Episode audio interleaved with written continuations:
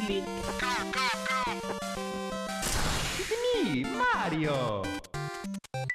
Control alt delete.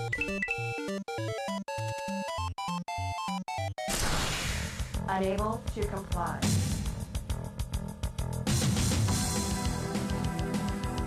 Unit under attack.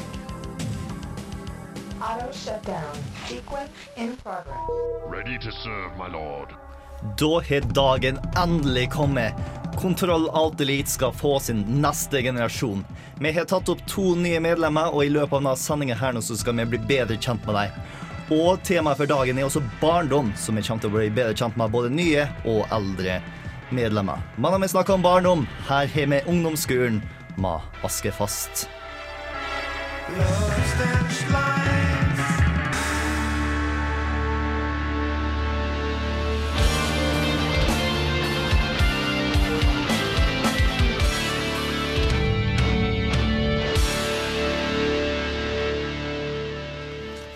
Velkommen til Kontroll Alt Elite, det ukentlige spillprogrammet her på Radio Revolt.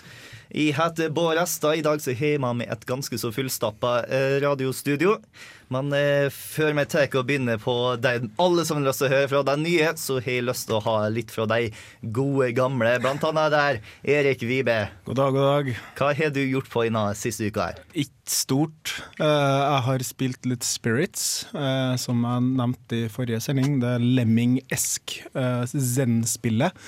Uh, nei, egentlig ikke. Ikke skikkelig send? Nei, ikke så send som jeg håpa at det skulle bli. Uh, Hvorfor ikke det? Nei, altså, Hvordan kan du ha leaderboards i et zen-spill? Jeg skjønner ikke helt. jeg har jo OCD angående enkelte spill, og pga. det så må jeg ha perfect score hver gang. Så det ender opp med at jeg hører den akkurat samme låta på den samme brettet 30 ganger og klarer ikke å komme meg videre. Eller sette pris på spillet. Så nei, det var ikke noe for meg. Mm. Og så har vi den filmofile Jens Erik Våler her nå. Hei sann! Uh, jeg har spilt veldig mye Mario i det siste. Det har gått veldig mye håndholdt. Super New Super Mario Brothers 2, uh, som er veldig likt New Super Mario Brothers 1. Men uh, gøy å løpe rundt og samle mynter og sånt. Og så har det gått litt i Walking Dead episode 3. Som, ikke noe spoiler her nå. Som, som, jeg, som jeg ennå ikke er ferdig med, men mm. som jeg må bare si Holy shit! Det er kult. Det er, det, det er, helt insane. Og de som ikke spiller Walking Dead, burde egentlig begynne å gjøre det. For det spillet har ristet tak i meg på så utrolig mange måter som et spill sjelden har gjort før. Det er noen utrolig fantastiske øyeblikk som du ikke ser komme. Og det er bare utrolig bra opplevelse. Amen, brother. Men nå skal vi, har vi hørt noe fra de gamle. Nå skal vi ta og ha et par nye personer i studio. Førstemann ut er Sondre Rokvam. Hei, hei. Hei. Hvordan er det å være i et radiostudio og snakke på spillprogram? Vel, jeg mista jo radiojomfrudommen min i går, så yep. takk, takk. Yes. Hei, på søndag var det. På søndag, jeg vet det. Eh, har du fått spilt noe denne uka her nå, eller bare radio som har vært greia? Jeg har ikke PlayStation her, men så det har vært litt flashspill for å få mm. tid til å gå. Og utenom det så har det vært dårlig. Er noe flashspill verdt å snakke om? Eh, det var en del som var litt til å tenke over, men utenom Ja, det er masse stilige flashspill ute som er mm. verdt å sjekke ut. Bare du finner de riktige folka som anbefaler det. Det er vel sånn med egentlig alle typer spill uansett. Og så har vi nye medlem nummer to, og for første gang ever så har vi tatt opp ei jente i Kontroll. Hanna Gulbrandsen. Hei, hei. Jeg vet at det er par her nå som rekker opp hendene fordi at Å nei, men vi har nå ei tidligere. Hun ble ikke tatt opp i Kontroll Elite. Nei, det var ikke det. Nei, Hun her nå er fullborn nerd. Så hva har du spilt denne uka her nå, Hanna? Nei, Det har vært dårlig tid generelt, altså. Det har vært mye oppstart. Um, og selvfølgelig både med radio og med skole. Det er litt å komme inn i gode, gamle vaner igjen. Men uh, jeg har fått lurt inn et par runder med League of Legends. Det, det har jeg gjort. Det er den typen eh, spill vi kommer til å høre litt for ofte her nå. Jeg har ikke spilt masse med League of Legends. Nei, eh, det går i mye annet også, men det er mm. veldig deilig, deilig å kunne plukke det opp. Fordi da kan du ta en runde mellom 20 og 40 minutter, og så har du liksom god nok samvittighet til å begynne på alt annet man skal innimellom. Yes. I løpet av dette programmet her nå så kommer vi til å bli bedre kjent med masse her nå, for de har tatt og laga seg sine introsaker. Og det kommer vi til å få i slutten av første time. Men eh, før det så skal vi ta og ha en god del nyheter og ta og snakke litt om spillet Analog A Hate Story, som jeg har spilt noe her nå. Men først skal vi høre på Animal Collective med Today's Supernatural. Denne uken i Spillnytt. Yes, denne uken har egentlig vært litt eh, kjip for spillutviklere generelt. Kanskje kjipest av alt for eh, to utviklere fra Bohemian Interactive. Studioet er kjent for eh, Arma 2, Arma 3 og kanskje mest for Said. For de har nå blitt arrestert. Kjipt. Yes, De skulle ta seg en liten ferie til Hellas for å ta og studere denne øya jeg kommer til å basere neste spill på. All natur og alt sånt der nå var planen. Og så tok de et par bilder av en militærbase, og nå er de blitt sikta for spionasje. Kan ikke de bare si at vi var på ferie og mente ikke å ta bilder av militærbasen, og så slette bildene? Eh, Det er det jeg prøver på nå. Jeg fikk ikke sletta seg bildene her nå. Og eh, ta en sånn topphemmelig militærbase, Area 51-type i Hellas. Og eh, ja, det kommer til å bli artig for deg. Ja, de bytter bort tunga di mot øynene dine. Mm. Så eh, vi får bare håpe på at eh, Hellas ikke blir for sur på noen som har lyst å til, få folk til å komme på den øya her nå. Fordi at eh, jeg regner med at hvis eh, du tenker å spille et spill og har veldig masse artig på ei øy som faktisk eksisterer, så er det kult å besøke den øya. Med tanke på at Hellas er litt sånn fucka opp akkurat nå, så kan det være løsepenger av. Det er, det er jo det er litt sånn suspekt at du bare kan labbe inn på en tilfeldig militærbase på tur. Det, det, det skal jo ikke være så enkelt å drive spionasje, i anførselstegn. Jeg vet ikke hvor masse de labba inn, eller om de sto utafor og tok bilder, eller hva som var, men eh, eh, det greske militæret likte i hvert fall ikke oppførselen deres. Kanskje de trodde at det var en gammel flystripe, og så lå egentlig hele dritten under bakken. Og så bare står de der, og så er det liksom litt for paranoia. Så ja, fuck it, vi bare arresterer dem, vi.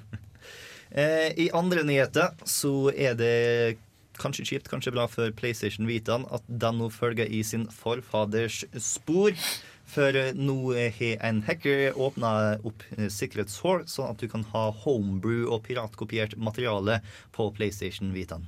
Det er jo ikke så mye en nyhet som uh, bare noe som kom til å skje. Uh, Ja. Fordi at eh, PlayStation, altså PSP-en ble jo nesten bare brukt av folk som hadde homebrew og hadde brent i anførselstegn spill. Da, og, men- Installert Linux. ja, og bare hadde det artig med den, rett og slett. Så jeg tror at dette kommer til å føre til en spike i salg for P Vitaen. Eh, Jeg, jeg kan regne med at det kommer en spike i hardware, men hvordan vil den påvirke software-salget til Vitaen, som er kanskje litt vel cheat for øyeblikket? Det skal ikke jeg si noe på. Altså, jeg, tror nok ikke at de fleste spillene kommer til å bli cracka med det første. Eh, Men eh, altså, flere hardware fører jo som regel til flere software-salg òg, men kanskje ikke på den lange linja. Mm. Nå vil jeg også tørre å påstå at det er veldig spesielt interesserte som går for homebrew-ting. Og det er jo ikke alle som det er ikke alle som kjenner noen som kjenner noen som kjenner noen, som kan si her, ta den her, og så bare legger du inn et par ting, og så kan du piratkopiere spillene dine. Sant nok. Men det finnes eh, ganske fine oppskrifter ute på nettet.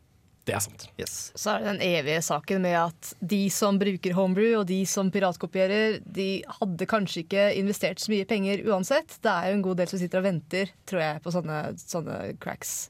Um, men det er jo Argumentet faller kanskje litt i fisk, da, hvis man Det er i hvert fall ikke lett å fortelle eller forklare dette i, en, i et så seriøst perspektiv da, til spillutviklere. De må jo likevel betale for Vitaen, så hei. Ja, sant. Peng, penger lal. Det, Du, hei.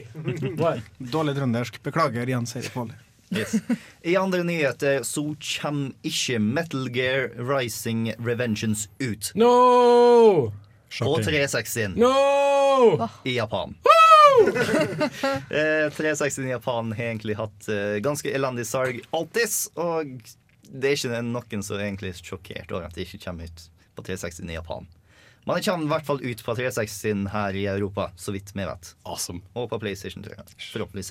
Er jeg den eneste som gleder meg til det spillet? Nei, det ser kjempeawesome Ja! ut. Det er så utrolig 90-talls overdrevet action. Ah, det er awesome! Det er ren og skjær galskap i spillform, og jeg elsker det. Yes.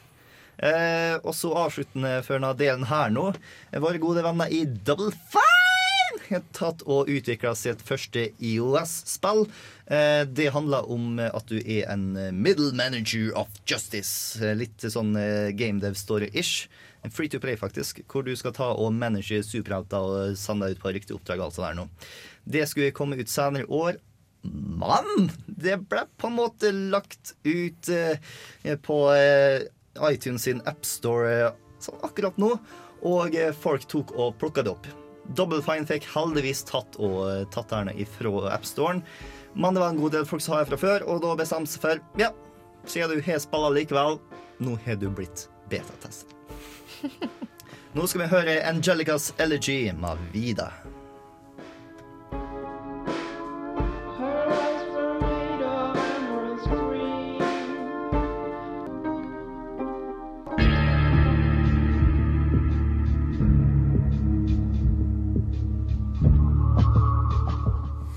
Og selv om det har gått kjipt for uh, en god del utviklere denne uka, her, så betyr det ikke at det er kjipt for gamingens good guy Gregs. Valve, for de har hatt det ganske trivelig. Uh, vi lærte denne uka her nå at en gang i tida så prøvde EA å kjøpe uh, Valve for one billion dollars. Da, da, da. Og Valve sa nei, det gjør vi ikke. Og valvesjefen Valve-sjefen eh, Gabe Newell har blitt sitert på at han heller har lyst å se Valve gå konkurs enn å ta og salge seg til en, et stort konglomerat som har lyst til å bare ta og kjøpe deg, vente to-tre år til alle kontraktene er gått ut, gi deg fyken og beholde merkevarenavnet. Altså Det jeg syns er spennende, er jo det at de sier at de skal inn i hardware um, development. For Mm. de har jo prøvd å um, ansatt en uh, industrial designer, som det heter så fint. Uh, og han sier også at det er ikke uh, Altså, mer eller mindre saken til um, godeste Gabe er at uh, Keyboard og mus er utdatert. Vi Mm. må ha flere måter å spille spill på. Uh, til og med håndkontrolleren er jo utdatert. Det er ikke noe som har skjedd egentlig siden Atari, bortsett fra flere knapper. Og pga. det så vil han da finne en ny måte å spille spill på. Mm. Det trenger ikke å bety motion uh, eh, Motion controls. ja, eller da virtual reality. Jeg håper at det kommer noe helt nytt ut av dette. Men eh, det kan jo være bare noe så enkelt som et headset med display, f.eks. Sånn at du får en sånn her hva skal jeg si, et display foran øynene. Virtual reality. Nei, men også Nei. menyer og sånne ting, da, for eksempel. Eller at de reagerer på øynene dine. Kunne vært spennende. i Ja. hvert fall. Nei, for eh, Valve er ganske fin på å være innovativ, så når de tar og beveger seg inn i hardware eh, manufacturing i tillegg, så kan det bety masse spennende på spillefronten. Det vi selvfølgelig alle sammen håper på, er jo Portal Gun. Ja. Altså, det, det sier jo seg sjøl. Masseproduksjon. Alle sammen har dem. Mm. La oss håpe. ja. Jeg vet ikke om jeg kommer til å se det, men eh, det er ikke noe jeg kommer til å ikke kjøpe dersom det kommer ut. Dedikert Half-Life 3-konsoll. Og det den har, spiller ikke det noe solgt! Det er det verste. Det er ikke gitt ut for 2000 kroner, det har solgt. Uh. En viktig ting som jeg synes, Portalgun er fin, men jeg skulle gjerne hatt de beina der. De er metall... eh, Ja. Ja, ja, ja. Sånn sinnssykt digg å hoppe sånn. ja, det er uten de beina der nå, det har vært ganske kjipt, egentlig. Farlig. Det er veldig farlig. Men eh, nå nylig så slapp ut eh, Valve Big Picture Mode på Steam. Er det noen her noen som har prøvd det? Jeg kan ikke si at jeg har gjort det, nei. Nei. Eh, greia med Big Picture Mode er at eh, du tar og kan spille på TV-en. Det er optimalisert. Det er nesten som en eh, interface for en konsoll. Så du, du bare går inn på Steam og gjeng på innstillingene og sier jeg har lyst til å bli med i betaen, og da får du en sånn Big Picture Mode i øverste høyre hjørne på Steam. Ok. Og det prøvde jeg litt ut her om dagen, eh, og det føltes god del ut som eh, 360 sin eh, interface, egentlig. Og eh, når jeg skal ta og spille Steam-spill med kontroll, så tror jeg jeg kommer til å gjøre det på den måten der nå. Mm. For uh, Psychonauts, for eksempel. Er på Steam. Man har vært veldig kult å spille dem på kontroll. Og det at eh, det er gjort på den måten her, gjør det enklere for meg å spille på TV-en. Mm. Høres bra ut. Mm. Og så har en veldig kul måte for det å skrive tekst med kontrollen på. Det er på en måte en som en blomst hvor hvert blad på blomsten er fire bokstaver. Så når du tar og har stikk og nord, så er de fire fjesknappene dine ABC. Når det er nord-nordøst, så er det DEFG osv. osv. osv. Som Blir litt som eh, sånn tidlig mobilskriving, egentlig. Egentlig så Nei, det er faktisk ganske ny mobilskriving. Det var Mm. en som prøvde å eh, launche det på Jeg tror at det finnes apps for akkurat den der måten å skrive på, på touchtelefon. Sånn at hvis du tar opp, så får du A, B, C, D, E. Mm. Og så kan du da trykke på den og slippe, og så får du den bokstaven. Og det går faktisk fortere da hvis du lærer deg det enn å skrive på tastatur. Mm. Nei, det høres fancy ut. Jeg får eh, sånn en runding hvor du drar Jeg får sånne gammel telefon. Ja, ja, ja. Det er nesten det samme, mer eller mindre. Hvert forsøk på å være innovativ på den biten der syns jeg er positivt, følger føler jeg da. Det er liksom Tastatur og konsoll det, det har ingenting med hverandre å gjøre. Det tar lang tid, det er klønete. Så gode ideer der. Det, tommel opp. Ja. Det er i min mening alltid bedre å prøve og feile enn å ikke prøve i hele tatt, for eh, da vet du i hvert fall hva som ikke fungerer her i verden. Det som fungerer derimot, det er Blood Diamonds med Phone Sex featuring Grimes.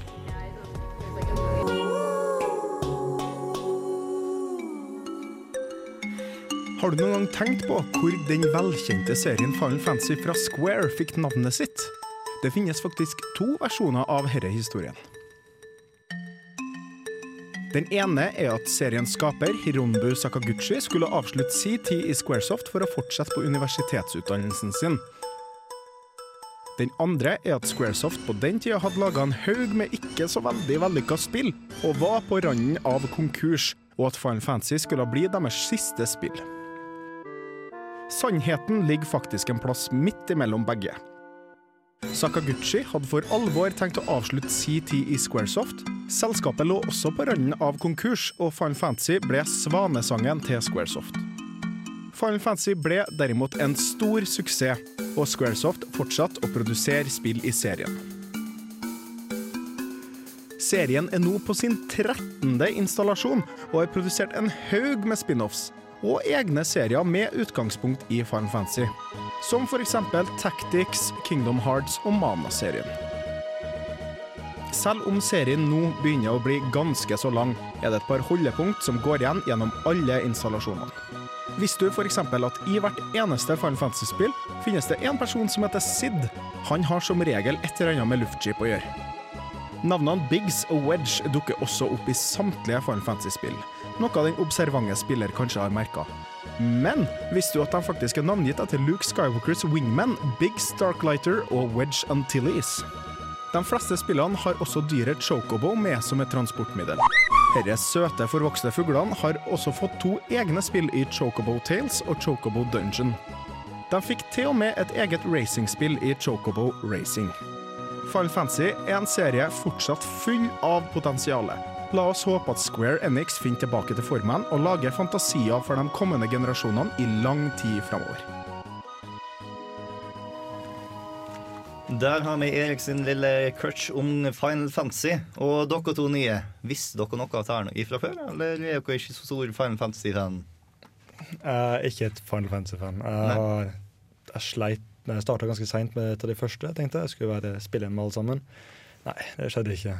Men uh, jeg tok og leste meg litt opp på det, bare for å finne ut hva det var for noe. Mm. Og jeg syns det er ganske stilig at de hentet navn fra bl.a. kristne symboler og lignende. Mm. Hanne? Uh, nei, jeg visste ikke det. Jeg var nok litt lost i Zelda-verden da jeg var liten, istedenfor uh, Final Fantasy. Uh, jeg ble ikke introdusert for, for Final Fantasy før ganske mye senere. Men jeg vet at, med å, at navn går igjen ikke er noe eh, nytt, eller at man oppkaller navn. Um, oppkaller spillere eller karakterer i spill etter eh, kjente navn. Du finner blant annet eh, i tyske versjonen av eh, så finner du The Beatles i uh, Gerudo-campen. Så da kan man jo begynne å kikke litt. Hva er det heter da? Det er disse Carpenters som holder på utenfor uh, Gerudo Valley. Som uh, i den tyske versjonen heter alle fornavn i The Beatles. Da så er det som du forblir Final Fantasy-eksperten. Ja, Japan mitt! Japan mitt! Men apropos eh, Japan og alt sånt der nå. I forrige sending så tok vi og eh, diskuterte at vi skulle ta og spille analog av Hate Story. Fikk du tatt deg tida til det? Nei, dessverre. Eh, Jeg var litt for opptatt med å gjøre absolutt ingenting Mm. til å få tida til det. Been there, done that. Men jeg tenkte ah, nei, vi må nesten ta få snakka litt om det. Og gjorde det jeg trodde var å begynne på dette spillet her nå, bare så jeg fikk varma litt på praten. Og når jeg lagra, så fant jeg ut at jeg har kommet halvveis. Så da bare avslutta jeg spillet når jeg først var i gang. Hvor lang spilletid tok det, sånn cirka? Det er sånn fem timers langt spill, egentlig, så det er ganske så fint. Eh, det kan du finne nå på Steam for ti euro. Eh, det er samme skaperen som lagde Digital, A Love Story, og eh, Don't Take It Personally, Babe. It's Just Ain't Your Story. Christina Love, som ganske så kjapt begynner å bli min favoritt-indie-skaper, egentlig. For eh, ta spillet her nå, ikke så masse spill, egentlig. 95% av det vi gjør i spillet her nå, er å lese. Men de resterende 5% som er gameplay, får det så masse mer involvert i spillet og får hele opplevelsen til å virkelig fungere. Eh, Det spillet går ut på, er at du er på en måte en rometterforsker slash eh, arkeolog som skal ta og eh, investigate et romskip, sånn stort generasjonsromskip som har vært borte fra jorda på over 1000 år, og koble det til mainframet og snakke med AI og lese logger for å finne ut hva som skjedde. Og det er ganske fucka det som skjedde der nå. Det, alle sammen er døde, men for en gangs skyld så er det ikke på grunn av romvesen eller rogue AIs. Gud! I stedet så er det på av eh, patrikalske, kvinneundertrykkende eh, societies. Yay! Men er det Unnskyld. Eh, er dette en sånn visuell roman, siden du sier at det er 90% eller 95 lesing à la Phoenix Wright, eller har du faktisk en sånn grafisk figur som går rundt og Ja, ting? Ja, det er basically en visuell roman. Det er som om du har skjermen person du er ville hatt dersom du jobber som en Du ser det gjennom øynene til hovedpersonen. Ja, du er- Hvis du har vært en pe- hovedperson på ekte, så ville du tatt og satt alt sammen her på en skjerm, fordi du holder på å interacte med databasen. Så du eh, tar og holder på å browse gjennom diverse logger, og du tar og bruker en sånn tekstbasert operativsystem av den gode gamle MS-DOS-typen til å endre på en god del stuff, som faktisk har en ganske kul scene i løpet av spillet. Så jeg anbefaler Terno til alle sammen som liker en god historie. Spesielt hvis dere tok med på ordet og prøvde To the Moon tidligere, når jeg anbefalte det. Som for øvrig nå er ute på Steam. Det er Sånn i fullversjon, og ikke bare beta. Og det er igjen fantastisk bra. Masse lesing, man fortalt på en veldig god måte. Men nå skal vi ta og høre litt sånn på Kendrick Lamar med West Side Right on the Time Feet, John Jeezy.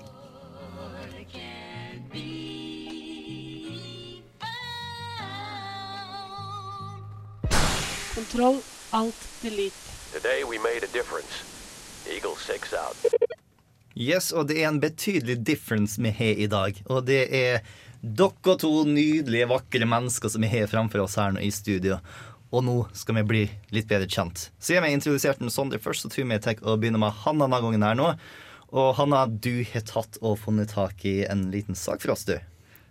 Det har jeg. Eh, Det er vel egentlig bare å høre på, tror jeg. Mhm. Eh, Håper det er noen som føler seg litt igjen i de tingene jeg snakker om. Utvilsomt.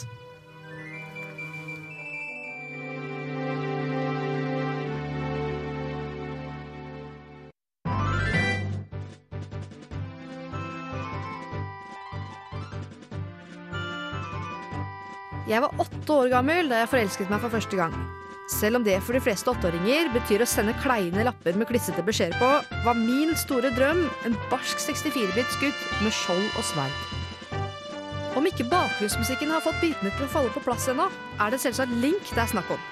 Jeg skulle finne min egen fe, helst da en litt mindre irriterende en. Og sammen skulle vi ri Epona til verdens ende. Jeg møtte Link for første gang da jeg besøkte min beste venninne i tredje klasse.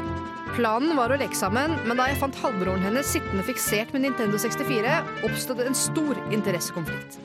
Jeg beklager, Berenice, men vi var nok ikke meant to be.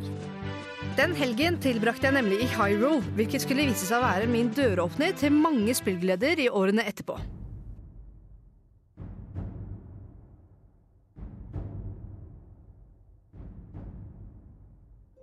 I dag er jeg 23 og informatikkstudent, men jeg har funnet svært lite som kan måle seg med min første kjærlighet som åtteåring. Heldigvis kan jeg fint spille spill uten at samboeren blir sjalu. Nintendo har gjort barndommen min til noe helt spesielt. Uten spill som Banu Kazooie, Donkey Kong, Golden Eye og Mario Kart for å nevne noen, hadde jeg antagelig vært en helt annen. Jeg har en svakhet for rivende historier og frustrerende gåter. Dessuten gir episk musikk og banebrytende grafikk meg unektelig ståpels. For meg er spill en lidenskap, og svært lite kan måle seg med et glass vin og et godt spill for virkelig å kunne slappe av.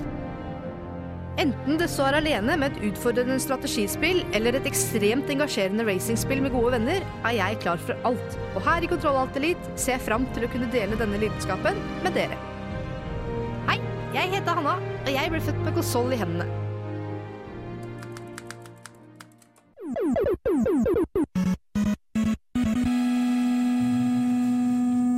Der hørte du Hanna Gullberg med Hanna Hykkelberg, unnskyld, med The North Wind, før vi passende nok hørte Hanna Gulbrandsen sin introsak. Og eh, er Link fortsatt den kjekkeste innenfor spillverden?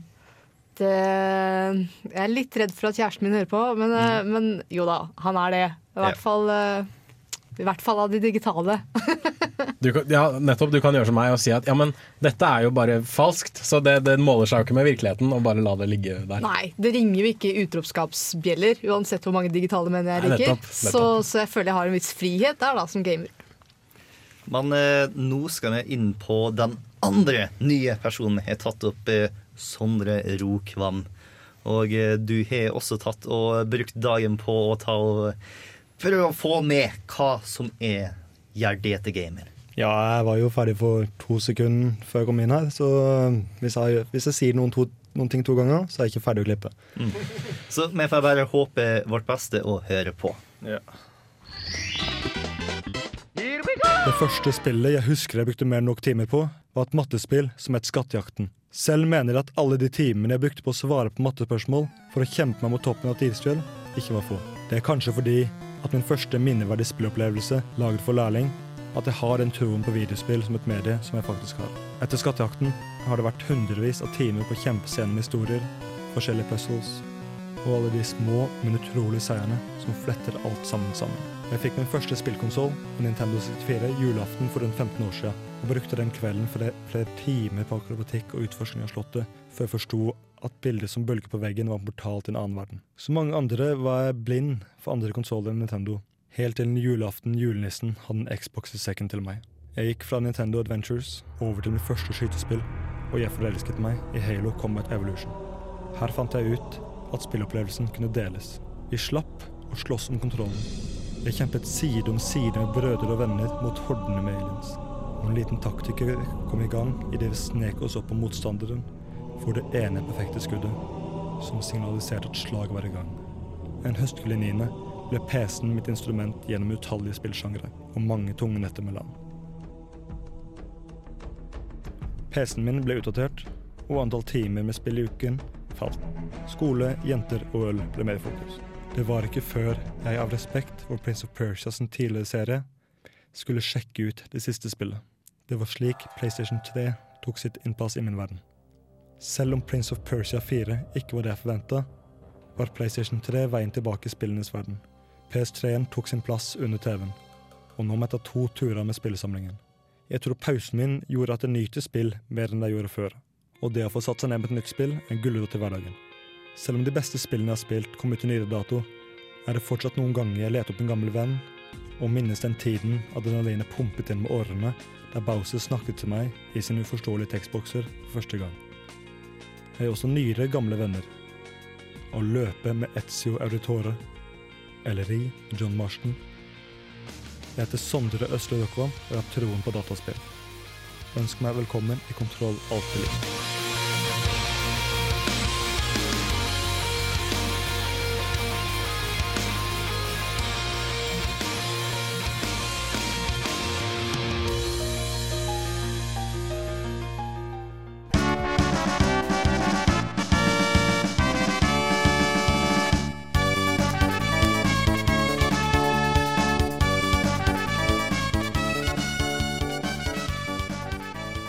Der hørte vi Flatbush Zombies My Mary, 'Nothing Above Thee'.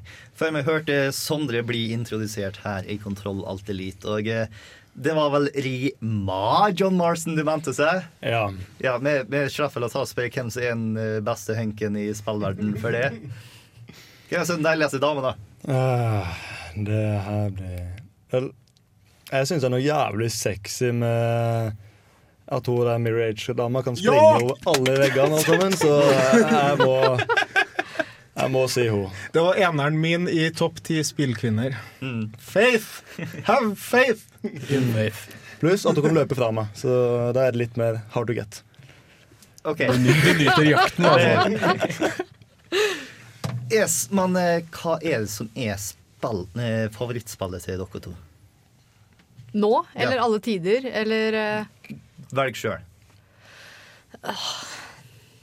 Det må jo bli Selda som er alle tider. Det, er- det er ingen Mm. Ocarina opplevelser som Ja, både Ocarina of Time og Majora's Mask. Mm. Jeg er en av sånn dobbeltfangjengerne her. Men, eh, men, men det er jo ingenting som måler seg med følelsen som jeg hadde da jeg var liten. Jeg har jakta lenge på å finne noe som på en måte gir det samme intense Selvfølgelig masse som er gøy, men det er en veldig spesiell sitring, altså. I, eh, i det første gode, beste.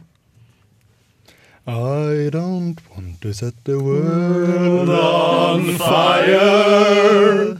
Fallout, var, Fallout 3 var fantastisk. Mm. Jeg har aldri hatt en så god spilleopplevelse. Og jeg, fra jeg ble født til jeg døde Ja, til jeg ofra meg sjøl for hele verden, for å si det sånn. Mm. Så eh, alt sammen bare hang på geip. Alt sammen var ordentlig. Mm. Mm. Nei, det er ikke dårlig svar. Ikke dårlig svar i hele tatt. Og nå i løpet av den neste timen så skal vi bli litt bedre kjent med de spillene dere spilte i barndommen. I regner med at Fallout 3 ikke kan defineres som barndomsspill, men eh, sa Zelda-spillet på Nintendo 64 absolutt.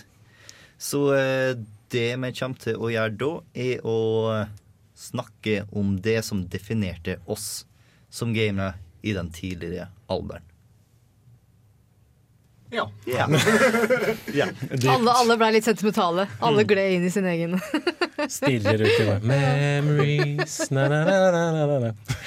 Nei, jeg, jeg for min del i hvert fall altså, Det er jo noe veldig nostalgisk med barndommen. Og jeg kjente meg veldig igjen i det Hanna sa, at uh, det er ikke noe som kommer til å måle seg med å våkne på første juledag, du har akkurat fått deg et nytt TV-spill, og du Mm. sitter og spiser det som er en av snavl. Klokka er sikkert halv seks om morgenen, for at faen, du, du skal våkne for å spille spillet.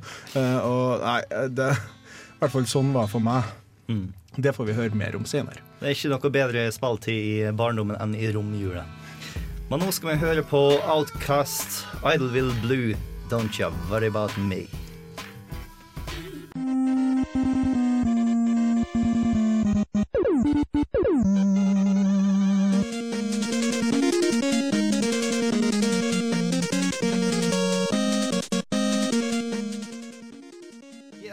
Da skal vi ta og begynne å snakke om barndom, og da kommer selvfølgelig den blyforgifta Mikkel inn i studio for å ta og bare gå ut. Fylle alle våre ører med sine barndomsminner. Så hei, hei, Mikkel. OK, hei. Hei. Jeg har jo lyst til å snakke om barndommen. Bare satt det ned og Du, uh, Hallgeir og jeg har gjort dette her før. Eh, Vi kommer jo begge fra familier hvor ski er viktigere enn underholdning. Og uh, en stripe med Kvikk Lunsj er bedre enn spillkonsoll. Uh, så spilling har jeg få av. Ja. Jeg fikk min første Gameboy da jeg var Jeg fikk Gameboy da Gameboy Color kom. Pappa hadde vært i Asia og kjøpt den billig på et eller annet marked. Eh, den var sannsynligvis sterkt. Uh, Varioland 2, hvis noen husker det. Yes, oh, har det. Awesome Sass. Det er liksom mitt første Jeg har min egen konsoll spillminne, bortsett fra min PlayStation. Måtte du spille på japansk, da, eller? Nei, jeg måtte spille på Vietnam... Nei, ikke, jo, jeg måtte spille på vietnamesisk. Ah. Skjønte ikke en dritt. Lærte du masse av det? Nei. Nei, ok. Så jeg lærte at Vario er grådig uansett hvilket språk han snakker. Mm. Veldig godt spill, Mina. det var nydelig at en fargeskjerm kunne puttes på en så liten konsoll. Jeg husker jo et innlegg i det gamle gamle Klubb Nintendo-bladet, der en fyr spurte om vi noen ganger fikk Gameboy med fargeskjerm. De sa nei. Den skal være portabel. Det kommer aldri til å skje, for det er feil for en Gameboy. Bitch, please. Og så ser vi nå på 3DS XL, som er ganske, ganske Ja, du, mye jo, større. du er jo på din andre 3DS nå, du. Fuck yes! 3DS-en er deilig å holde i, og den, liksom, den originale 3DS-en som er, stikker meg i hånda. Jens Erik har digre hender for de som ikke har sett dem. Oh yes. du, vet som, du vet hva de sier om de som har digre hender? De trenger store hansker. Oh yes. Men nå vil jeg påpeke at vi er seks fucking stykker i studio her. Hva skjedde med at vi trengte nye mennesker? Vel eh, Jeg liker folk. OK, jeg liker å ha folk rundt meg og snakke Jo spill. flere gamere, jo koseligere blir det. Er vi i podkast-timen nå? Vi er i Ja, men da, podkast-timen. bra, da kan jeg bruke meg tid til å si at eh, i produksjonslokalene våre så er det en sinnssyk mengde mennesker nå. Det er stillere her inne enn det er der ute. Så jeg, kom, jeg kommer inn hit, jeg. Mm. Jeg blir bedt om å prate og pratet. Crash Bandicoot 2 forresten også. Fuck yes! Ja, jeg fikk, Mm. jeg fikk aldri kjøpe det sjøl, for jeg hadde ikke PlayStation igjen. Og jeg spilte det i flere timer. Ninjatriks til alle dere som er, vil være nostalgiske, men ikke fikk spilt i jul uh, av foreldra deres. Det er vel de fleste her. Uh, kjøp en Xbox-kontroll. Uh, plugg den inn i PC-en deres. Emulate that shit. Jeg mener, putt de gamle PlayStation-spillene inn i CD-romstasjonen. spill, spill, så hvis, hvis copyright er gått ut fordi at produsent er avgått for døden. Radio Revolt does not endorse piracy. Selvfølgelig ikke. Men uh... You wouldn't download the bear!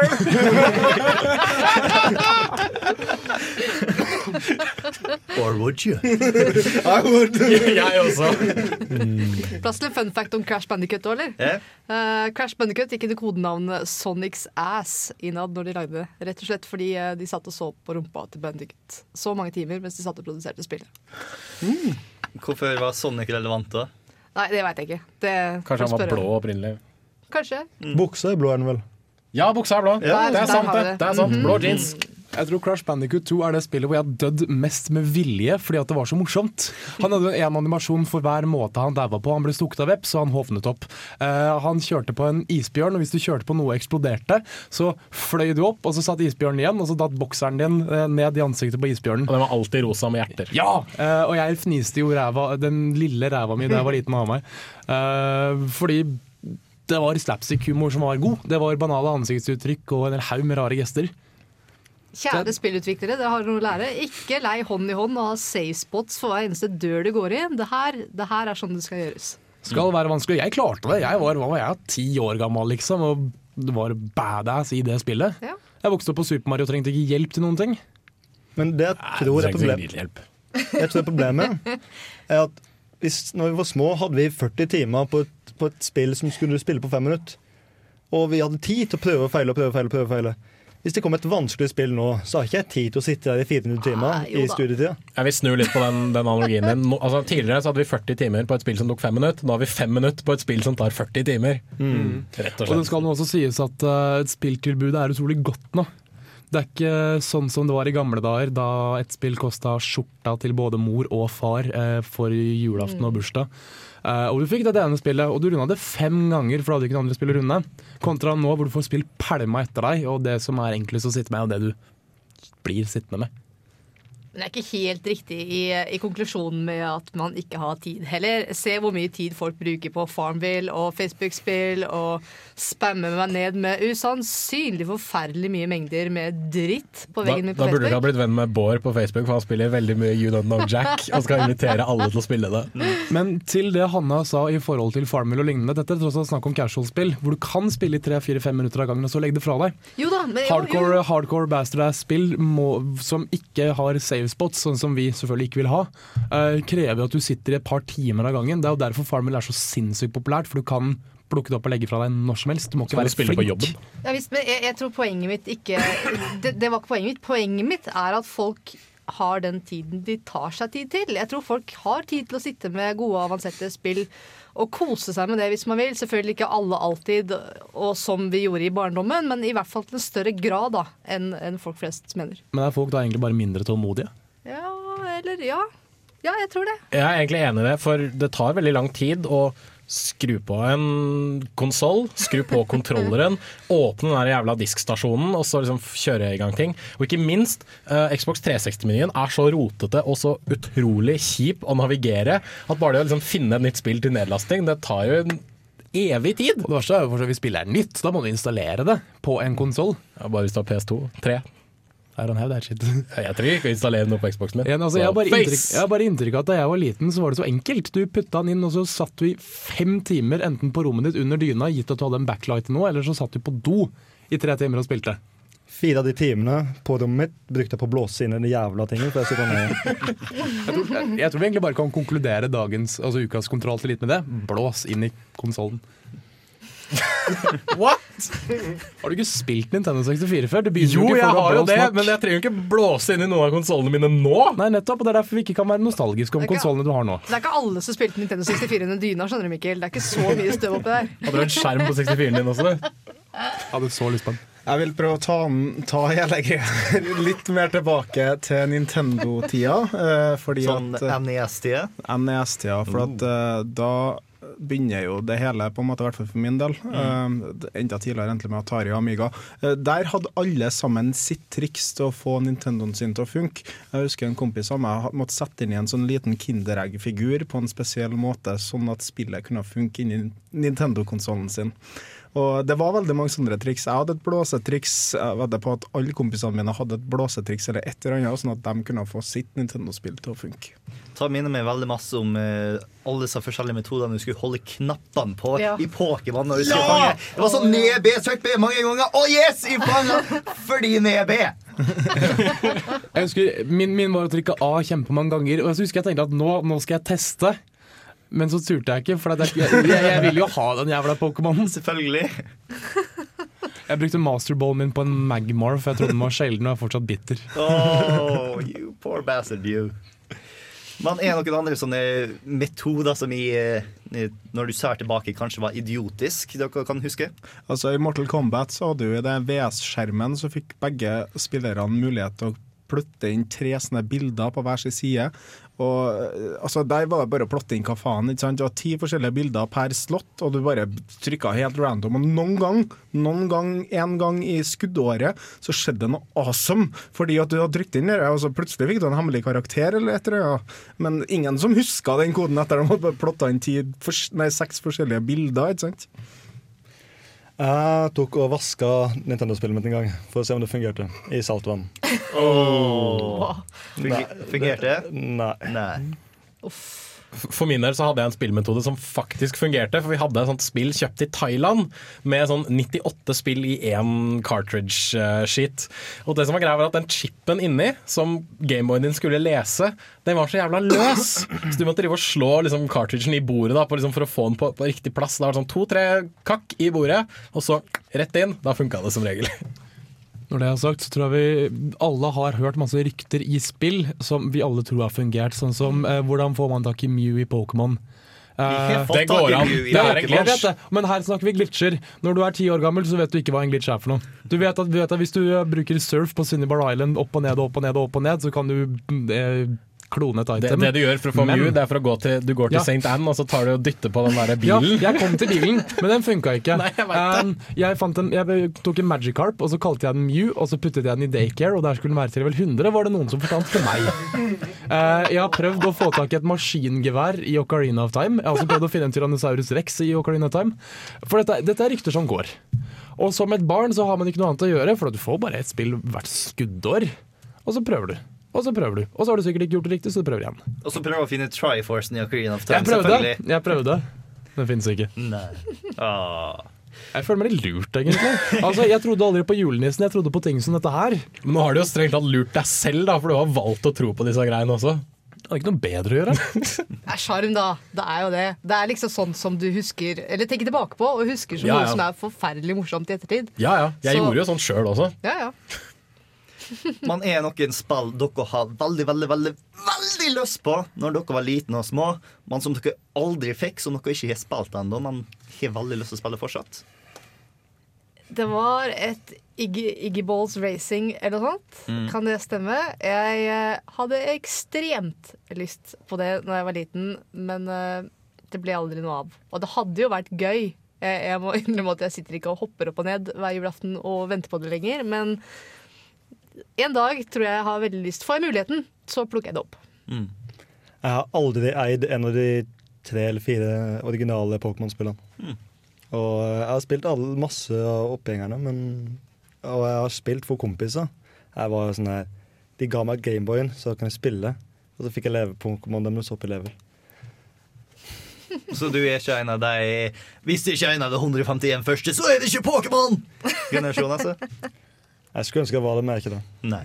Skulle Hva- hva ønske du var det. Hva skal det bety for noe? Jeg skulle ønske at jeg var en av de originale. Jeg angrer på at jeg liker alt annet. Hvor gjenger liksom levelen? Hvor er, hva nummer av Pokémon er hvor Pokémon begynner å bli sånn nei, tight, tight, så er ikke Pokémon lenger. Det nåværende 698. Uh, jeg hadde veldig få sånne spill som jeg ønska ræva av meg, og det har rett og slett å gjøre med at uh, da vi, i hvert fall jeg var ung, uh, så lånte vi jo spill bort til hverandre. Og vi lånte bort Mm. konsoller, og det var ikke måte på. Når folk spør om å låne spill nå, så sier de at du får det billig på Steam. Uh, og vi har liksom ikke den lånekulturen lenger. Eller vi satt og spilte det liksom en gjeng på fem stykker til spillet var ferdig, liksom. Til mamma begynte, ringte og lurte på om jeg var kidnappa eller dau. Uh, så ja, jeg hadde, jeg hadde noen få spill. Metal Gear Solid. Bård veit Alle lytterne veit hvor glad jeg er i Metal Gear Solid. Um, jeg, ta, jeg ønsket meg det kjempelenge. Jeg syntes det var skummelt å spille demoen, men jeg spilte den for det. Uh, jeg skvatt himmelhøyt og skrudde av konsollen hver gang uh, alarmen gikk. Det gjør jeg fortsatt.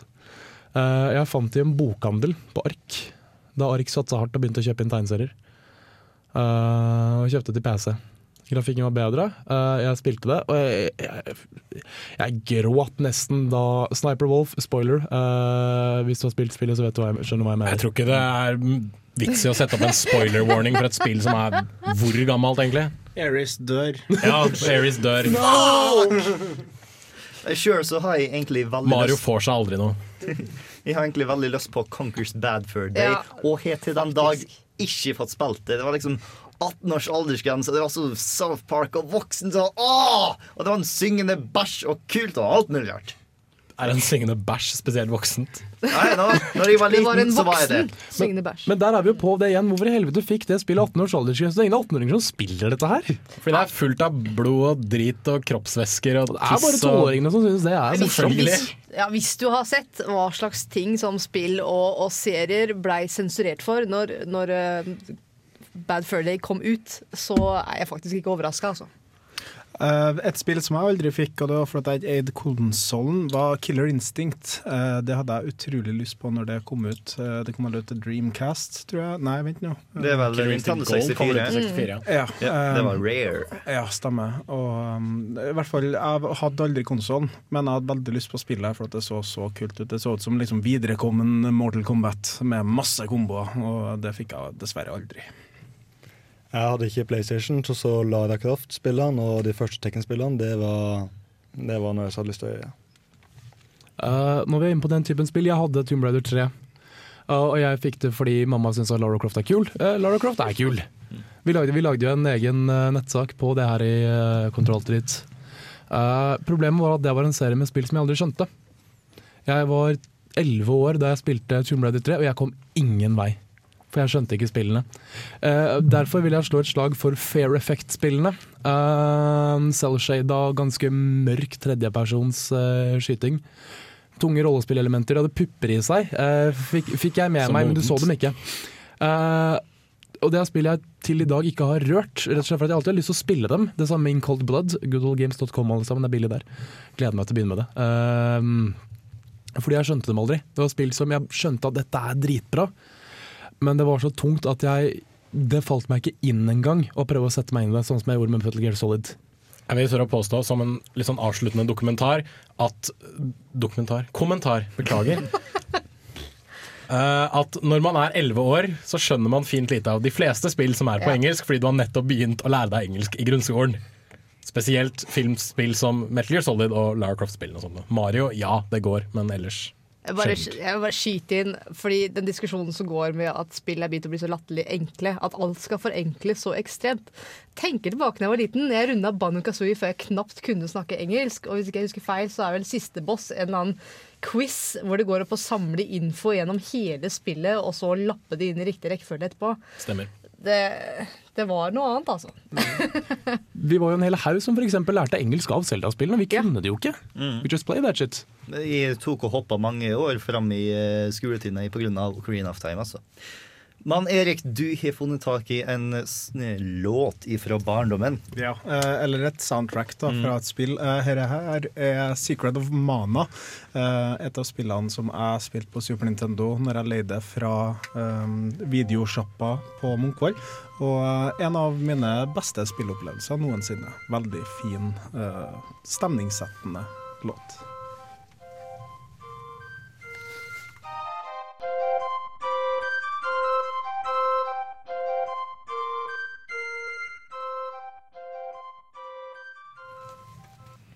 Ja, eh, apropos eh, det Mikkel sa i går at det var Nei, i går, i stad. eh, Sangen var, var ikke så lang. Nei, det var ikke så lang. Eh, I og med at den eh, Nei, nå får du meg helt av her! Det jeg mente, var at engelskkunnskapen til mange hoppa opp pga. interesse av spill.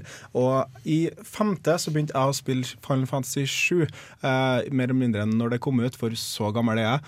Og eh, det gjorde at min Altså, engelsk var aldri noe favoritt til meg tidligere, men pga. det så bare Herregud, dette må jeg kan, sånn at jeg kan komme meg videre i det der veldig teksttunge spillet.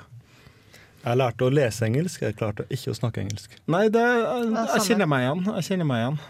Og nå plutselig har jeg en interesse for engelsk og skal mest sannsynlig studere neste år. Så go games! Eh, men eh, Final Fantasy var nok den første opplevelsen til meg sammen med Secret of Mana, for at det var ganske seint på Super Nintendo, eh, hvor jeg fikk eh, interesse for rollespill. eh, japansk, da, i så fall. Eh, og første gangen en person dør i et spill, og jeg er stormforelska i de nye karakterene de først har sett altså, jeg ble helt trollbundet. Herregud, hvordan kan de ta livet av hun? Hun er jo kjempesøt. Ikke at jeg brukte henne, hun sugde, men eh, hun var i hvert fall en stor del av storyen. Og jeg hadde aldri opplevd eh, noe i mitt stille barnesinn om at en person kan dø i noe du elsker. Mm. Så det, det er mitt minne fra der. Da. Er du et uh, dypt barndomsminne? Altså Jeg har en lignende engelskopplevelse i Links Awakening DX, da det kom ut til Gameboy Color. Det fikk jeg til bursdagen min. Og da var det også sånn at jeg skjønte bare halvparten cirka av det som ble sagt, men resten klarte jeg liksom å kontekstualisere sammen sjøl. Alle spillene jeg hadde spilt før, var bare sånn plattformer og sånn Super Mario og sånne ting. Uh, men med liksom Links Awakening så tok jeg på en måte skritt inn i en større verden, for her var det jo en større verden. Altså Ting skjedde ikke lineært på et sånn 2D-plan. Jeg kunne gå rundt og finne en strand, og så kunne jeg gå opp i fjellet, og så kunne jeg finne en sump, og så fant jeg en skog, og så fant jeg en stein som lå i veien som jeg ikke kunne flytte, for jeg fant den dingsen i nivå to som jeg også kunne plukke opp ting. Liksom det, alt det der, da, liksom bare sette sammen de små bitene og vite at ok, når jeg har det, så kan jeg gå inn der, og så kan jeg gå dit, men jeg må vente med å gå dit før jeg har vært der borte og hentet dette. Akkurat det var, tror jeg, liksom løfta min sånn gamerkunnskap litt oppover. Og det Erik nevnte også, med liksom, liksom gråteopplevelser i spill. Eh, Da jeg spilte slutten av Lufia 2 og øh, altså ok, Spillet er fra 95 eller noe sånt, nå, så fuck it, jeg bare spoiler hele dritten. Uh, når helten og hans kone dør på slutten av spillet, og de dør med den kunnskap at jo da, de har reddet verden, men barnet deres vil vokse opp uten foreldre. Og øh, det, de store onde vesenene som de har nedkjempet, kan komme tilbake igjen. Og da bare tårene rant som om jeg var eh, et lite spedbarn igjen. Og det var bare en utrolig deilig sånn emosjonell opplevelse, selv om det var skikkelig, skikkelig trist. Du har lyst til å dele noe, Hanne? Ja, det er bare kommentar. Snakk om å liksom sensurere bæsj og pupper og sånn i spill, og gi dem 18-årsgrense. Og så kan man jo da tenke at hm, det her er jo faktisk ganske det, det, det er ganske mye for barn, tror jeg. Det er litt av problemet med den aldersbegrensningen. Nå sporer jeg litt av. Men det er jo det at de sensurerer bare innholdet, men ikke nødvendigvis konteksten. De ser liksom ikke på, på De ser ok, der er det en pupp, der er det et banneord, Mm. der er det blod. Men de tenker liksom aldri over at ok, her er det en person man er emosjonelt knyttet til. Kommer vedkommende til å dø eller ikke? Det, det driter de i. Mm. Og det er egentlig ganske latterlig. Men er det en av dere to nye som har lyst til å ta og fortelle oss om et spill som virkelig definerte barndommen, og kanskje til og med senere i livet deres? Ja, Øh, jeg har øh, bestandig spilt spill sammen med venner i veldig stor grad. Det, der jeg kommer fra, så var det ikke så veldig mye annet å gjøre. Eller jo da, men vi brukte veldig mye tid på spill. Um, og eh, Um, Banu Kazooie tror jeg kanskje er det som vi sammen har hatt mest glede av. Og det vi har gjort sammen, det, det setter på en måte et preg. Du, du husker det veldig godt. Um, jeg vet ikke. Det, det er noe med det å dele sånne opplevelser med noen som er i hvert fall stor del for meg. Uh, og vi har kost oss veldig mye på å løse de eh, nøttene som var i Banu Kazooie, og le sammen av alle morsomhetene som var i det. Så det sitter nok ekstra godt. Ikke, ikke minst musikken. Musikken eh, er meg veldig kjær. Er det et spill du kun kan spille alene, eller et spill du kun kan spille med andre? Nei, altså det- ikke multiplay-spill, selvfølgelig. Ja, nei, men Det er jo det som er fint med sånne spill. Du kan fint kose deg med det alene, men, men vi klarte også veldig fint å kose oss med det sammen. Og det er kanskje et slag for eh, alle de som sier at spill er ekstremt usosialt. Jeg vil si at spill er så sosialt som du gjør det sjøl. Ja, det er det. Mm. Helt, helt enig. Mm. Sondre? Jeg har tre ting som jeg har lyst til å si. For det første, så barndommen din er jo når du lærer å tenke, og hvordan du skal tenke. Og spill er jo lagd av spilldesignere som må ha litt utdannelse for å komme seg dit. Så jeg tenker at veldig mange av de puzzlesene som de har lagd, det har lært meg å tenke mer analytisk og blitt fått meg bedre i problemløsning. Så det er tommel opp. Det, en annen ting er at um, jeg starta opp kampsport fordi jeg likte å se tekken folk kan slåss. Og eh, etter hvert så ble det da min sport. Eh, Jeg har vært innom veldig mange forskjellige, og, men det er Tekken som er der starten på det her. da. Ja, hvem av de i Tekken er det du slåss mest som? Det Kuma. Tror jeg er din Ja, ja. Jeg, eh, jeg har ikke spesialisert meg etter den og den, da, men Nei, alle, alle i Tekken står stående. Eh, Det er mer og mer Etter hvert så utdyper du hvordan du slåss. Eh, Det er det samme til meg som eh, Jeg må bare en liten sånn kommentar på det med å slåss om dem i Tekken. Eh, Når jeg var liten, så leka jeg Megaman, og da var det sånn at de tingene jeg tok på, dem sine krefter fikk jeg. Eksempel hvis jeg tok gress, så kunne jeg skyte gress, eller gjøre ting med jord og sånne ting. Og hvis jeg var borti vann, så ble jeg vann-Megaman, liksom, og sånne ting. Og så screentakler du absolutt alt. Nei, men dere var Megaman 2, eh, og der kunne vi ikke sklitakle helt ennå. Men jeg bare husker at eh, det, det, det tok en stor del av leiken leken min som barn. da. Eh, Dere ble inspirert av spill, rett og slett. Og alle sammen har jo tatt hånda i et liggegrunnlag og lekt sammen. Ja. Oh, ja. Eller Megaman. Pringle-eske. Ja, ja. Vi hadde liggende lag der vi kom fra. Mm. Vi har bare Pringle-esker. Det var elendig å sove på. Ja, og det siste jeg har lyst til å si, er for en stor søskenflokk. Så um, det å faktisk sitte og spille et spill, det er veldig sosialt når alle sammen slåss om stikka. Mm. Mm. Det er kanskje også et av de få øyeblikkene der alle sitter helt stille og konsentrerer seg om samme ting, Ja. istedenfor å lage mye bråk for mor og far. Å ja. Så hvor det var stikk og ble delt med noe før. Med oss så var det som oftest mot vinneren som var eh, greia. Nei, Vi hadde sånne historiespill i starten, så for eksempel Super Mario. Da var det Vi var jo fire, stykk, fire gutter, faktisk. Så det ender jo ikke godt. Og eh, det startet med at den som kom hjem først, han tok stikka. Og så spilte han, så kom den neste person hjem, og da er sånn Ja, du får to, to døinger, og så er det min tur. Eller én bane. Og så videre og så videre. Men etter hvert så fant jo folk ut at ja, men det der var ikke en ordentlig død. Og- Eller så ja, fikk du et ekstra liv og sånne ting. ja, nei, jeg tok en blå stjerne med et uhell i Super Mario og lignende. Og eh, da blir ble det med ti, da. Men du får ikke gjort alt sammen på ti minutter. Og så er det noen som har lyst til å spille én bane, noen har lyst til å spille en annen bane. Så de quitter når du er to meter fra stjerna. Så da er det jo mm. Det han syns er verre enn det, er å ta er på vei på å dette ned. Så, nei, start, quit. Jeg vil ikke spille denne banen her lenger. Jeg døde ikke. Jeg døde teknisk sett! Ikke! Jeg og min kjære, kjære søster vi spilte Selda sammen Når vi var små. Når vi fikk Selda, så var det på en måte Bare vi spilte sammen, så skulle vi på en måte få spillet.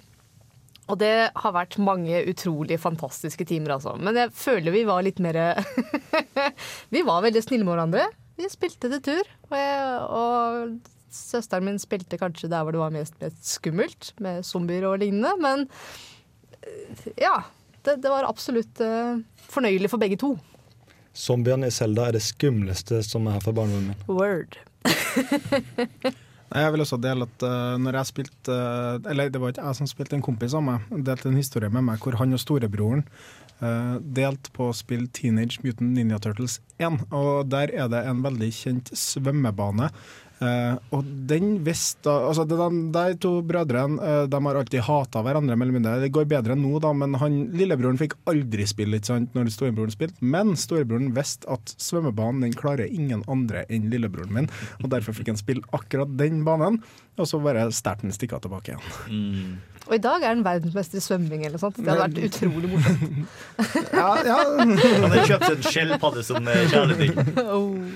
Ja. Nei, men jeg tror at det er litt sånn at uh, før i tida så uh, Du måtte dele. Uh, altså, jeg, jeg tror heller ikke at unge nå til dags spiller indie-spill på Steam, selv om de er billigere og har mye mer det, det er mye mer tilgjengelig med spill, greit nok, men jeg tror ikke at unger får kjøpe To The Moon og sånne spill. Nei, det skjer ikke. De spiller kanskje indie-spill på iTunes AppStore og alt sånt der, nå, men Ja, det er fordi at.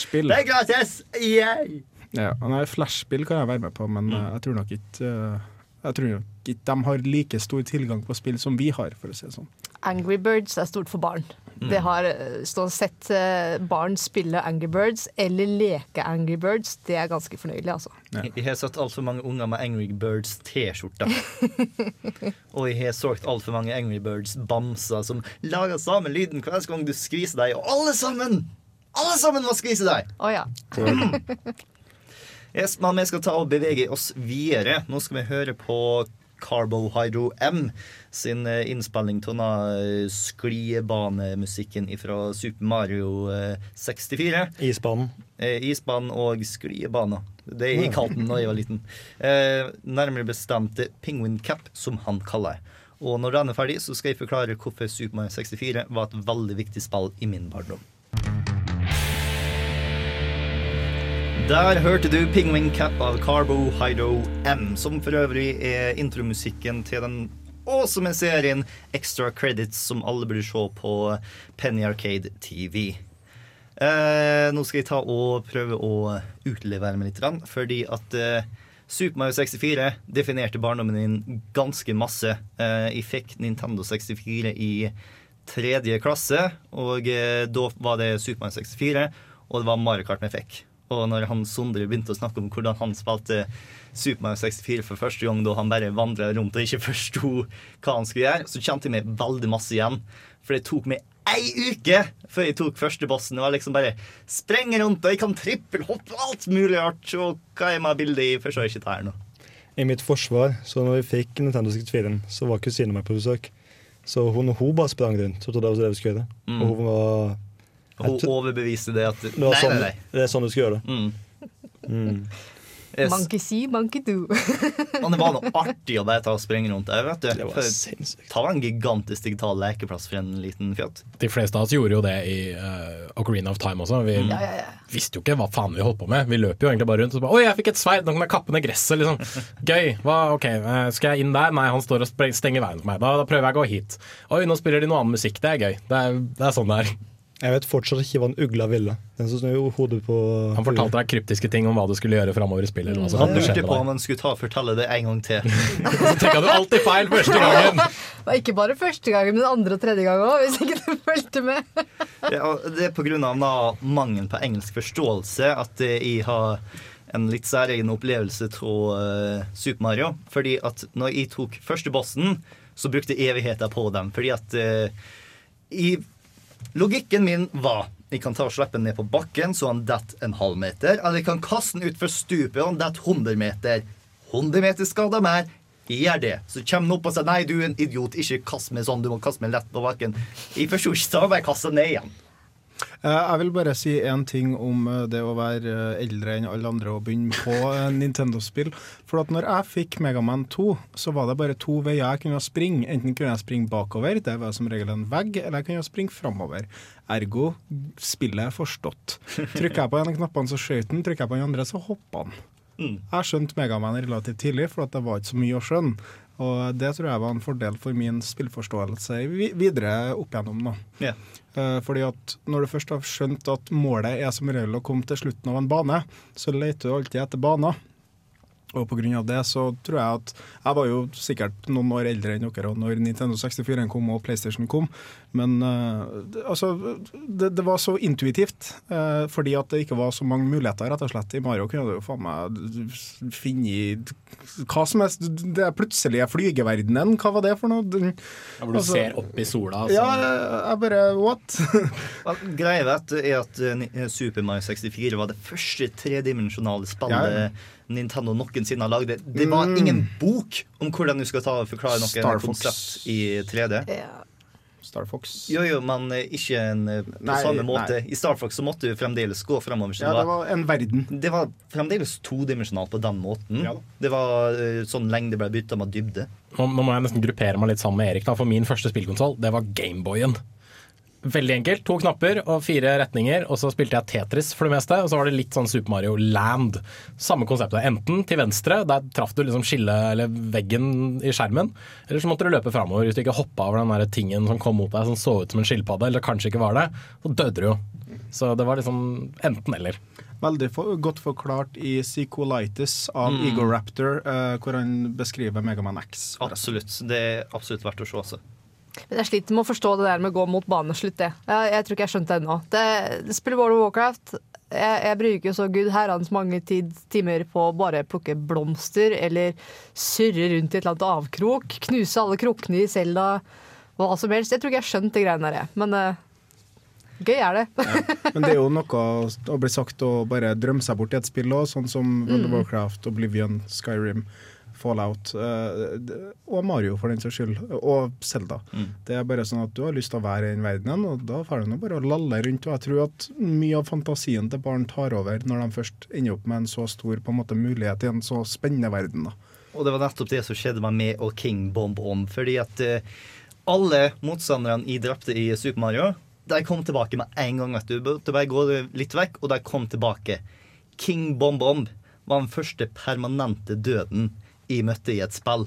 Uh, jeg tok han vet du, et sånn evig lang kamp hvor jeg tok og kasta han feil, og han uh, kom tilbake og sa 'ikke gjør det der', og jeg gjorde det der igjen. Og etter to timer så vant jeg over og familien min jubla. Hey! Og så skulle jeg komme tilbake, for ta artig, jeg har lyst til å ta King Bomb om en gang til. Og han var ikke der nå. Han var borte, Aha. og han var død. Og jeg var helt overbevist om at nå har jeg drept noen. Og familien heia på meg mens jeg drepte den personen. Så jeg takler ikke det lenger. Jeg kunne ikke spille spill på et år. Det var sånn eh, Broren min har lyst til å spille Banjo-Kazooie. Bare Nei! Jeg har ikke lyst til å drepe flere folk! Ta vel ikke! Nei!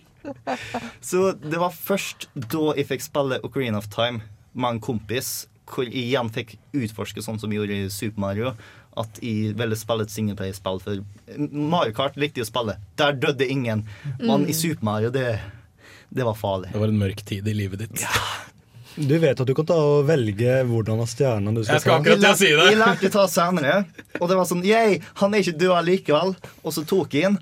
Og så var sjela hans borte. Den vakre gullstjernen har jeg tatt, og han har mista sjela si! Hallo, mister Dramatisk. Yes, som var fantasien min når jeg var liten. Jeg må komme, jeg nevnte Mario Kart. Mm. Og et av mine minner fra da jeg var liten Jeg, jeg veit ikke om jeg tør å si det eller ikke, om det er for flaut, men vi, vi var noen andre vennegjengen som likte å spille Mario Kart. Og vi var på et stadie innimellom hvor vi likte å bygge hus. Vi brukte items, eh, bomber og bananskall og gud herren hva. Vi kunne sitte på en bane i to timer, og vi kunne kjøre rundt og bygge små konstruksjoner med disse delene på eh, Jeg, jeg, jeg lurer liksom Uff da, der kommer latter. Nei. Nei, nei, men, men, jeg, jeg, ler fordi jeg syns det er jævlig kult. Ja, Jeg, jeg veit ikke om det er noen andre som egentlig har gjort det, men vi, vi syns det var knall. Og jeg veit ikke hvor mange timer vi har brukt på det, men det er veldig, veldig mange. altså. Ikke Mario Kart, men jeg har nå brukt en god del andre spill til å bare være kreativ og bygge noe som egentlig ikke var meningen at skulle bygges. Ja. Sims. Ja, Men jeg, jeg, kjenner meg veldig igjen i når jeg i sånn 13-årsalderen begynte å spille GTA1. Mm. Eh, fordi at der kunne du eh, renske ut en hel bydel og bruke den som parkeringshus for de kule bilene dine. Eh, og da spilte jeg aldri Altså Jeg hadde ikke kommet så langt at jeg skjønte helt hva som foregikk i GTA. Altså Du kunne kjøre over folk, men herregud, jeg hadde spilt Doom når jeg var 11 eller noe sånt. Og jeg hadde et større, eldre søskenbarn som likte å introdusere meg for ganske nye spill, sånn som Alien og Doom og sånne spill. da. Eh, Men i hvert fall det vi gjorde, var at vi bare for og parkerte biler. Eh, Og eh, de skulle ikke eh, skrapes opp på veien, eh, sånn at eh, parkeringsplassen din så ryddig ut med masse kule biler, rett og slett. Nei, jeg hadde ingenting.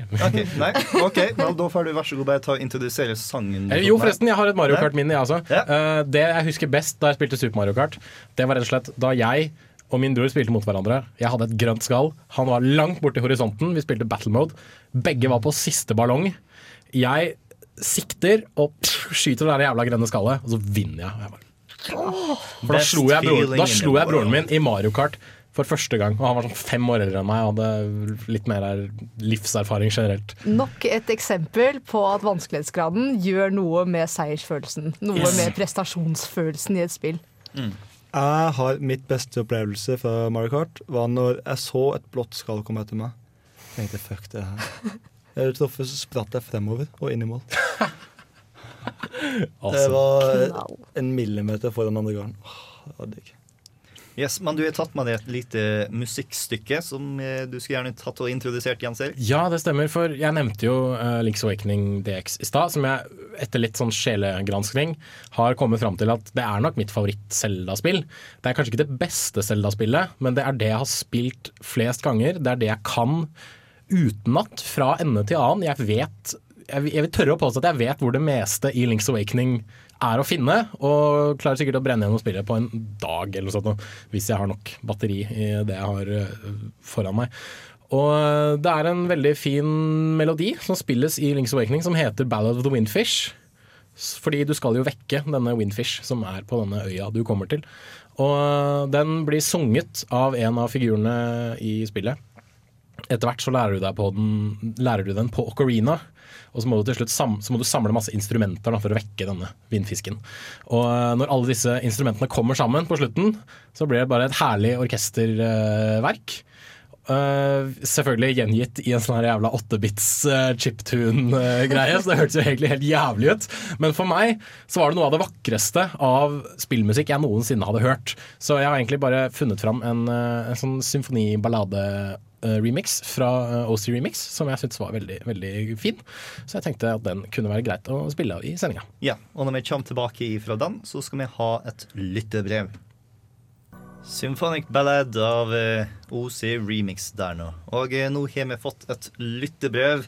Ikke fra en sånn tilfeldig person fra Drammen, men ifra eh, Knut Aashammer, en vikaren fra forrige uke. Er han fra Drammen? Nei, jeg tror ikke han er fra Drammen. Men vi har overraskende mange folk som hører på Kontroll alltid litt ifra Drammen, så hei, hei, Drammen. Jeg skylder på, Jon- jeg på Jon Korvald. Han var med i radioen før, og så flytta han til Drammen.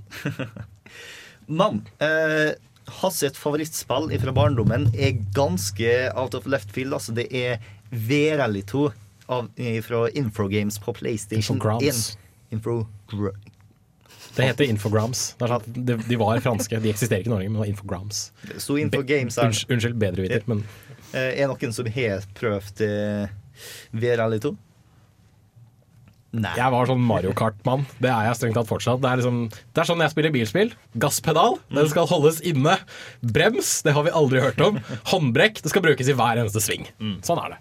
Eh, jeg, jeg vet ikke om det er et PC-spill eller ikke. Det. Det er godt mulig at det finnes på PC også. Ja, for at, uh, jeg tror kanskje jeg har vært borti det. Men i hvert fall, jeg, jeg måtte bare nevne en ting om uh, For at det fantes jo PC-gaming òg veldig tidlig, Mm. og jeg hadde da uh, hva heter det da? Eh, Star Wars X-Wing Commander på 14 disketter. eh, som jeg da eh, presterte å miste én diskett av en gang i tida, og klarte ikke å legge det inn igjen. Eh, men det var en av de tingene jeg spilte på PC-en, i hvert fall min barndom. Men jeg har dessverre ikke hørt om det der eh, V-rally, nei. Nei, for det, Hvilken konsoll var det til? det var til PlayStation 1. Okay. Mm. For det han Knut syns var så stilig med det, det var ikke å ta ut kjære furt og vinne, for det klarte han ikke alltid. Han var eh, ikke så mange år når han spilte der nå. Det han syns var absolutt kulest, det var å eh, snu bilen rundt i andre veien, full klaffer imot, og krasje inn i folk. For det her nå var av den tidlige, simplistiske fysikkmotoren, så dere krasja, så var det ikke bulkehæren. Det var en vulkanutbrudd av bilskrog som flaug opp i lufta, snurra rundt og var uheldig, så landa jeg og traff en bil til, så det ble nytt et vulkanutbrudd.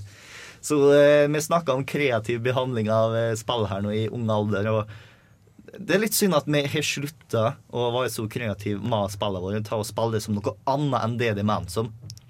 Tja. Med mindre det selvfølgelig er spill som oppfordrer til kreativ eh, utprøvning, som Minecraft eller Skyrim eller noe sånt som det her nå. Ann Knut har også et par fine spørsmål her nå, eh, som jeg har lyst til å ta og spørre salen. Eh, spørsmål nummer én er Hvis du kunne gå tilbake til barndommen din da du spilte ditt favorittspill, og kunne bare forandre én ting med spillet, hva ville du gjort? Hmm. Favorittspillene er jo som regel plettfrie, da. Yes, stort sett. Eh, jeg tenker To spillene jeg tenker på først, er Sek nei, Secret of Mana og Yoshi's Island. Og det er to spill som passer til Super Nintendo-grafikken, så jeg kan ikke gjøre noe der.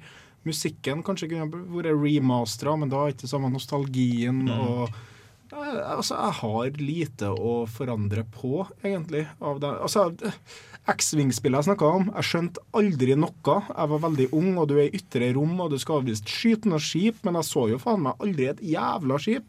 Så gi meg noe skip i X-Wing, så skal jeg skyte dem. Det vil jeg forandre. Ja, det er vel egentlig veldig mange spill som potensielt kunne blitt favorittspillet mitt dersom de har hatt en bedre tutorial level. Så det ville jeg tatt og endre på. Ikke på de som var favorittene mine, men de som potensielt kunne ha vært favorittene mine. Men nå er disse som regel bygd for de som har en bedre forståelse av engelsk enn det vi hadde da vi var yngre. da. God gameplay, så eh, tutorials bruker ikke tekst engang. Bare se på Braid og alt mulig rart der nå. Jeg ville gitt Tetris mer musikk. Mm. Rett og slett. Altså, Det var den, bare to låter, ikke det? jo, nei, tre. Tre, ja. Ja, for det var den der vanlige, så var det sånn dun, dun, dun, dun, dun, dun, dun, Og så var det den sånn Men jeg vil, jeg, jeg vil ha mer musikk i Tetris, rett og slett. For det ble litt sånn kjipt å høre på i lengden. Og så ville jeg gitt uh, uh, den murstein-gameboyen. Den skulle hatt lengre batteritid. For liksom fire A-batterier, det, det tok du på en dag. Og så sto du og skrudde på den jævla kontrastbryteren fordi kontrasten gikk til helvete da batteriene begynte å, å gå nedover. Så du gjorde spillet mørkere, altså skjermen mørkere, da, når batteriene begynte å gå ned. For at du trodde at det gjorde Mhm. det, det fikk, Du fikk mer ut av batteriene ved å skru på den jævla kontrastbryteren. Jeg må tenke litt til på det. Hva gir du videre? Eh, det er et spill jeg kom på som jeg har lyst til å endre en veldig viktig ting på.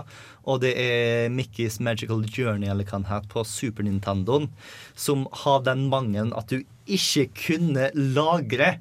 Noe som betydde at hver gang jeg tok og besøkte søskenbarnet mitt som har Super Nintendoen, så var det alltid det første levelet jeg tok og spilte, og så klarte jeg kanskje andrebossen. Og så Nei, Bård, nå må vi fare og rekke ferga. Ja, men bare få spille litt til, da. Nei.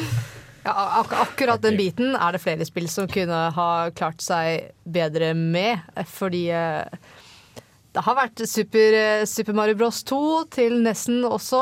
Spilte vi gud bedres mange timer på. Og det var ofte sånn at vi ikke ville skru av konsollen på nattestid, hvilket var strengt forbudt. Vi prøvde oss innimellom, men vi fant alltid spillet avslått dagen derpå. Men eh, Og Snipp og Snapp, husker jeg. Og det var flere av disse NES-spillene som ikke hadde lagring. Eh, et annet spørsmål som han Knut tar og Jeg kan ta svare på- Du, du har jo et godt eh, svar. Ja, en ting, Jeg husker ikke hvilket spill det var, men flere Nintendoen skal automatisk lage ting. Mm. Og det er ikke akkurat barndom, men Rome Total War. Det spilte Og Medieval 1 det er vel kanskje litt mer Mm. relevant enn her.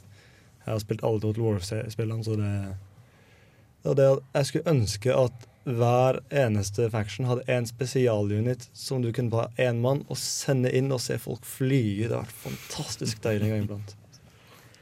Eh, skal vi se. Spørsmål nummer to. Eh, alle, i hvert fall mine barndomsspill, hadde noe du elska og hata med deg. Hva var det dere elska og hata? Elska er vel kanskje det som er lettest, men hva er dere virkelig hata med barndomsspillene? Mario blir aldri sint.